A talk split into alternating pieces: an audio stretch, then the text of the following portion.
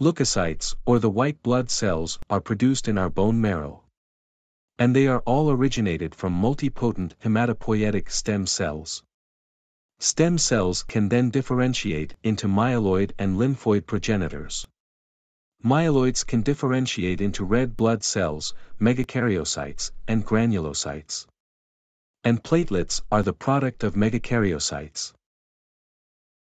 Myeloid cells can also generate a group of cells known as monocytes. There are four types of granulocytes, eosinophil, basophil, neutrophil, and mast cells.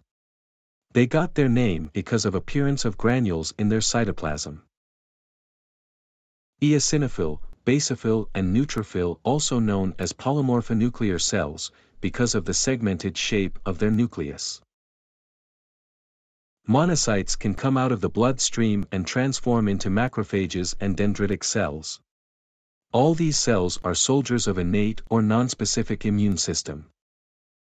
Lymphoid cells, on the other hand, generate major cells of the adaptive immune system, B cell and T cell, and also the natural killer cell, which is a part of both innate and adaptive systems.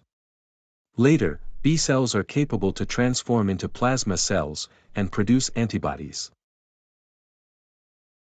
Thank you for watching.